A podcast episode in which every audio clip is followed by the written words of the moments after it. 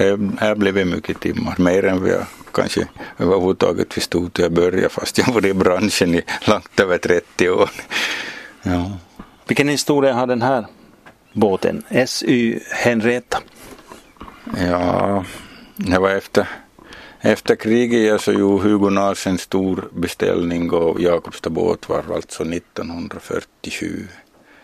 Så ja, jag började väl med det Hugo seglade väl inte så mycket med ena och så var det och hamnade väl nere i Helsingfors emellan och så var jag väl det här kommersen Rorri Enlund i gamla Karleby som, som det här eh, äh, seglade med henne ganska länge.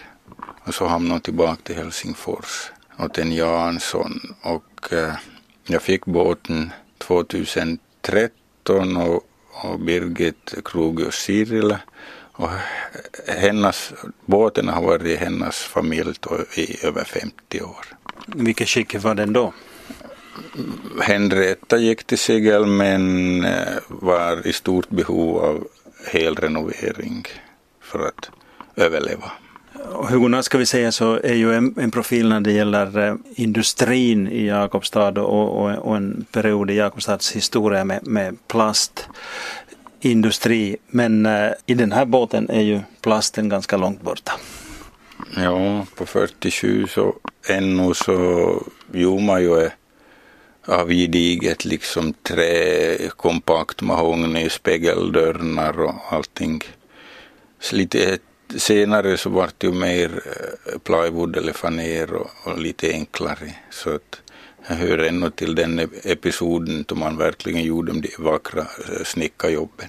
Och det här är en eh, båt som har ansetts så värdefull också att mycket av det här jobbet, eller åtminstone en del av det här jobbet så har du fått stöd av Kulturfonden också till att utföra? Ja, Museiverket. Eller Museiverket. Som, som har, har stöd med ekonomiskt till att få genomföra det här projektet och om vi ser som båten eh, är en Östersjö 8 kallas modellen var en kondor och eh, den har också på det sättet värdefull för att eh, Knud Reimers då som var verksam båtkonstruktör så ritade ju bland annat Lilltumlan, Stortumlan som finns i tusentals över hela världen. Och om man ser på Henrietta så ser man att här linjerna som tumlan. Så Knud Reimers rita Kondor åt sig själv, det var hans drömbåt på, jag tror det var 1942 och är byggd väldigt få kondor. Jag vet inte i dagens datum om det finns en enda kvar utom den här som är byggd efter originalritningarna. Och Reimers, eh, varifrån kom han då? Han var född eh, i, i Danmark och var verksam i Stockholm. Vilka resor hade gjorts med den här båten? Vet du någonting om, om, den biten av historien? Det är nog inte liksom på det sättet varit, vad jag vet, nå, var den har nu använd inom kappsegling och inom nöjessegling inom Finland mest säkert i Helsingfors förstås också här uppe i Österbotten. Men, men vad jag vet så har den varit med om några riktigt långa, långa färder. Men eh, det ska ju bli en ändring på det. Det ska bli långfärd. På eh, tisdag lättar du anka från Jakobstad här vid båtvarvet Jakobstad båtvarv där båten står. Målet är? Mm, målet? Ja, målet är väl att uh, jag ska provleva ett annat sorts liv. Det är väl det som är största målet. Och det är att segla utan närmare definierat mål då? Ja, typ. Ja, inte, inte har jag fastslagit någonting. Jag lever ganska i nuet så att inte har jag sett så långt i framtiden. Inte. Men om man tänker på vad den här båten klarar av då när, när det gäller världshav och, och, och, så. Är det här någonting som man eh, faktiskt lämnar Östersjön med? Då? Jo, det är ju en Östersjö 8 men, men äh, båten är väldigt uh, sjöduglig. Det är som inga problem till, till mötemesta den här båten.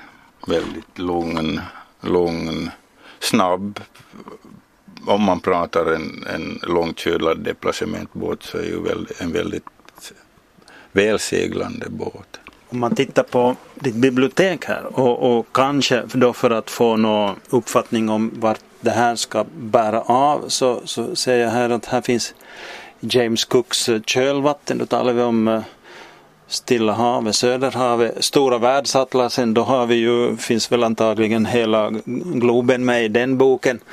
Och så en språkkurs, Estepais 1. Så då kan man ju tänka sig åtminstone Sydamerika så har vi en svensk-engelsk eh, ordbok och, och så en som heter Hemliga ön. Här, här finns eh, förberedelser för både det ena och det andra. Ja, intressant är att jag bara liksom feng min bokhylla och försöker.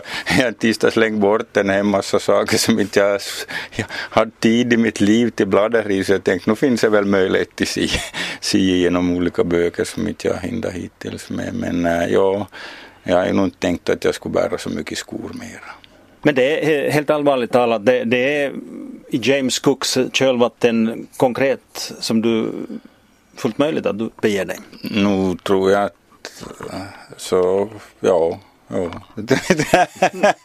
ja, ja, eh, ja, jag är ju en, kanske en, en jag äventyrare på något sätt. Så jag är ju väldigt, som jag känner, eh, det här är ett bra sätt för mig. Jag är viktigt för mig och är ju det här med att ta hand om, ta ansvar och ta hand om, om, om naturen och det här är ju ett väldigt, väldigt ekologiskt sätt att resa på och få träffa de kulturer och få ett, ett större perspektiv på livet än att bara vara på samma ställe.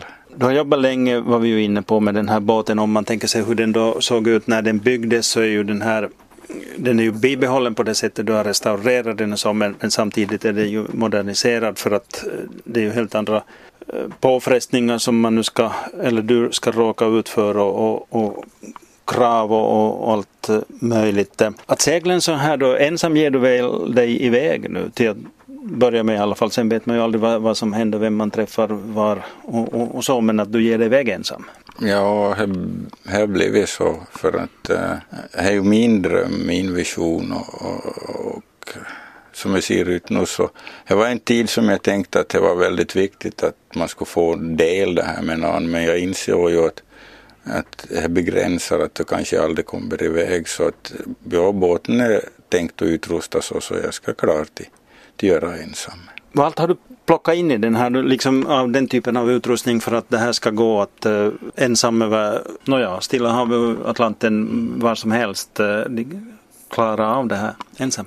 Ja, vad gäller det så är det ju modern navigationsteknik förstås. För att i och för sig så skulle det vara för mig intressant till, till, till, med sextant och körkort och ett mycket enkelt liv, men, eh, eller enkel navigation. Men vi har en, i dagens läge är eh, sjötrafiken ganska stor så att eh, för att undvika olyckor och, och sånt så jag satsar på att, att det här får en en modern navigationsteknik som gör det mer säkert. Jag kan ju förstås nämna vad det handlar om. Det, är ju, det viktigaste är ju som ensamseglare så är ju förstås, eh, jag kan ju inte sitta vid rodret. Det går ju inte. Så att jag har byggt ett vindroder som ska styra båten och eh, så har jag en autopilot som ska backa upp för vindrodret. Och så har vi sen helt övervakning om vad som sker runt mig så har jag isen som både sänder och tar emot och det betyder att jag ser alla handelsfartyg. I dagens läge måste alla handelsfartyg skicka iväg en signal så att jag ser dem direkt på plotten och kan eh, göra, jag har som alarm så att eh, plotten alarmerar ifall någon kommer för nära mig. Och också att jag skickar iväg en signal som gör att andra ser mig. Och så är det radarn. Ifall att inte jag får på ICE så har jag radarn som också har alarm. Och ja, förstås, förstås plotten men det är ju en, eh, med sjökort och allt sånt. Och så har jag ännu ytterligare kan jag som lägger ut waypoints och, och eh, lägger lägg, in, lägg ut kurser och så har jag ett alarm som ger kursavvikelser ifall att jag far för långt från kursen så att det finns en viss övervakning på det också. För en tid sedan så var det ett eh, strömavbrott i, i, i Jakobstad som varade inte nu allt för länge men det blev ju problem lite här och där. Och allt det där som du pratar om så, och nämner att du har sig beroende av uh, ström förstås. Utan ström så, så, så är ju allt det där mm. värdelöst, fungerar inte. Hur, hur är den saken ordnad då? Mm, ja, det var ganska intressant för vi visste, jag visste inte då, för jag bodde i båten, så jag visste inte om att det var Bottnaström. uh, eh, uh, eh, jag, jag har solpanel, troligtvis kommer jag väl till hamn och bygga ut lite, uh, men under segling, under gång så har jag jag har ersatt dieseln av olika, olika orsaker, en orsak är att jag har ju helt för bra många år sedan besluta att jag inte använder fossila bränslen mer, att jag vill ta ansvar för miljön så att det finns inte någonting egentligen. Ja, jag har en oljelampa som faktiskt går på lyspetroleum men det är inte de mysfaktor som jag tycker jag behöver få ha. Eh, eh, så istället för dieseln så jag byggde in en elmotor och den har ju sina fördelar. Den är väldigt stark vi direkt vid olika handmanövrar så är det ju direkt och så det är tyst. Man hör ju ingenting av den. Den ger ju inga avgaser. Den är egentligen eh, handlar inte om någon skötsel egentligen överhuvudtaget. Eh, för den största fördelen som jag ser med är så att den, eh, motorn genererar under segling vilket fyller upp akkubanken och jag har ju en relativt stor akkubank för att jag har en elmotor att kunna köra lite längre sträckor också ifall jag behöver. Men du vågar lita på den då? Det, det känns på något sätt som ja, att man skulle starta en diesel. Det, det känns som liksom en, en trygghetsfaktor men du, du, du kan inte ha både bälte och, och, och hängslen då, att både elmotor och, och diesel? Jag har läst en hel del bloggar och sånt om folk som seglar runt och det största problemet de har så är dieseln. Du har massa rörliga delar, du har en massa elektronik, du har jättemycket som krånglar. På elmotorn har du egentligen inte, det är ju axeln som roterar av el men det finns ju inte egentligen några rörliga delar alls. Det är klart att eh, det kan slås ut, jag menar det kan ju vara olika omständigheter. En, en, ett ordentligt blixtnedslag så kan ju slå ut saker och, och det, inte finns ju någon garanti för att, att det håller inte. Men jag ser nog det som en st större trygghet än en, en diesel. Men det är ju en segelbåt. Så att jag faktiskt lekt med tanken till att fara utan, helt utan motor. Men jag ser ju också väldigt bra i det liksom fördelen med att kunna generera och kunna hålla, hålla med, med ström. Och kocka kan du ju här förstås, det är, det är förstås eh, fullständigt nödvändigt och, och värme kan man behöva, hur, hur förstås, hur, hur får du värmen hållen här då? Ja, jag hade lagt en massa, massa tid på till byggen en rocket stove kardan upphängd med, med bakugn, alltså en vedkamin som bränner rökgas så att egentligen du kan andas, det som kommer ur kåsten. Men eh, jag höll på ganska länge och experimentera med och jag var tröttnade till sist. Jag fick inte det fungera så att jag var nöjd. Så att jag slängde ut alltihop och gav upp den tanken om att kunna förverkliga den drömmen. Så att eh, mm, jag övervägde, det fanns en ny gasspis i båten med, med ugn som jag då lag in istället för jag ser ju inte det med matlagning, jag är ju väldigt intresserad av att hålla mig i, i fysiskt skick och, och eh, det kommer ju vad vi äter det brukar säga man mår som man äter. Och äh, jag är ju väldigt, äh, eh, äter ju vegan och inte mycket intresserad av eller gärna äter råfood så att jag är inte riktigt hårt beroende av att kunna stå och koka i värma upp maten. Så finns det ju möjligheter och transportabelt äh, solkokare som inte jag ännu har anskaffat i så fall jag vill ha. Så, så det är ju en intressant sak. värmen så jag kunde ju inte släppa det med värmen kan, vi, kan man ju behöva fast man får söderut och, och, och så. så, så där. Jag har en, en liten vedkamin som jag har, undangömd här under, under britsen. Ja, under, här, under, sitter, under rumpan där jag, sitter. jag sitter här så, så med enkla medel så, så det här plockar jag fram. Igår var det ganska kyligt, jag skulle elda ganska mycket igår kväll. Du vågar elda i sådär inne i träbåten? Det känns lite sådär kanske osäkert för en landkrabba. Men... Jag tror att det är väldigt länge sedan vi bara hade öppna eldar på gårdsplan.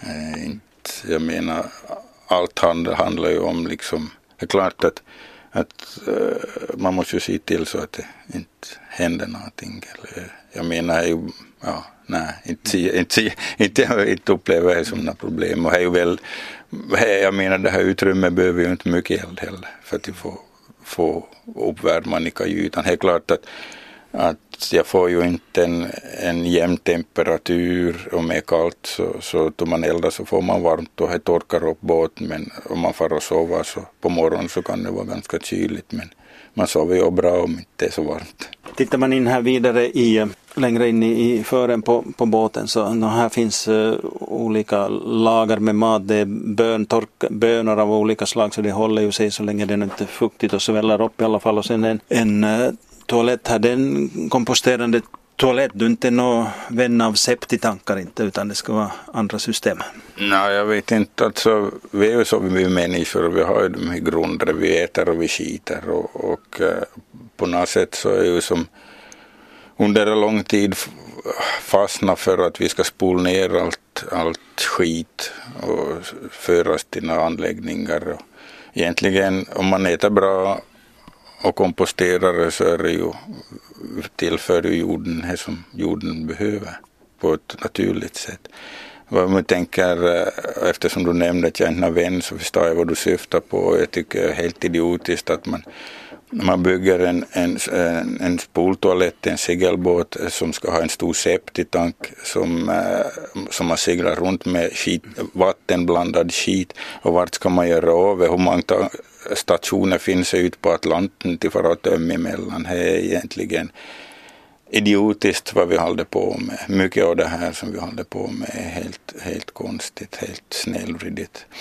Jag beslutade, jag drömde drömt många år om att ha en, en, en, en, en, en, liksom en komposterings i båten och hitta faktiskt en tillverkare som gör en väldigt funktionell äh, toalett som separerar förstås och och äh, så komposteras det så att äh, jag, det är långt mellan tömningsintervaller för att genom komposteringen så minskar ju, minskar ju vartefter. Har du klart med alla förberedelser nu? Är det, det, aldrig blir det väl sådär hundra procent men det gäller väl att dra ett streck någonstans och sen nu, nu får det räcka eller hurdant läge är det? Känner du att det här nu bär i alla fall nu? Jo, jag kände nog att jag, jag är klar. Som du sa så det finns, det finns alltid saker som jag vill förbättra och, och bygga på men, men jag tar ju kunskapen med mig. Så att, verktygsbacken? Verk, verktygsbacken tar jag med och, och det här. Men nu är vissa små detaljer som kanske lämnar lite på hälft som jag helst skulle vilja ha klar men, men inte några som inte går till orden framåt. Men tekniskt sett så är jag klar, ja. Du har ju båtvarvet här, Jakobstad båtvarv som väl kanske, eller det är landets äldsta funktionerande båtvarv. Hela den sidan, då, du ger dig iväg, vet inte när, om du kommer tillbaks, vad händer där? No, hela den förberedelsen och, och genom att jag nu hade den här visionen i en del år så, så har jag haft tid på mig till, till att låta allting i sakta mak hitta sin rätta väg. Så att Eh, båtvarvet fungerar fortfarande precis som tidigare. Eh, jag gjorde om hela, hela företagsidén för bra många år sedan. Jag, eh, av olika anledningar så hade plötsligen stod jag med en stor hall och inga anställda. Och, och eh, jag kom på en genial idé att jag gör ett kollektiv ett företagskollektiv. Så i dagens läge så är vi, vi om inte vi räknar med mig så är vi, är vi det här eh, fyra som, som på heltid, alltså tre, tre företag eh, som är, och vi har Johan Thornberg som är båtbyggare och sköter eh, den här import och försäljningen utav, utav de här produkter som jag hade under många år så butiken fortsätter som tidigare och Johan sköter det. Så har vi Fredrik som är skicklig båtbyggare och, hans fru Marika som, som är verksam här. Och så har vi Mika Tinggren som är kan det mesta. Musiker och båtbyggare och trädgårdsmästare. det är som, ja. Mm. mm. Alla vänner, släktingar, eh, vad, vad, säger de då? De har ju väl förstås vetat om det här men när, när det började dra ihop sig nu. Här, när jag kom här så var det en som kom och, och, och sa hej då och sköt om dig och, och, och sådär. Vad har folk sagt? Jag upplever att folk är väldigt glada för att jag gör det här och inte bara och inte bara drömmer om det. Jag, är ju ännu, ännu så, jag brukar ju säga att du, du, du säger att, att ja, men det här var underbart att du vågar gör, leva dina drömmar så svarar jag men jag är ju här ännu jag bara drömmer att inte har jag gjort någonting ännu men, men äh, ja, jag, jag, upplever att folk är väldigt glada över det. Klart det är ju alltid man kan ju tudelat förstås, det finns ju en viss både från min sida och från andra det finns ju en viss sorg att lämna allt och, och fara iväg ensam och, och ja, så att det är ju, det är ju fler, fler aspekter på det men om inte man gör det så då blir det inte av.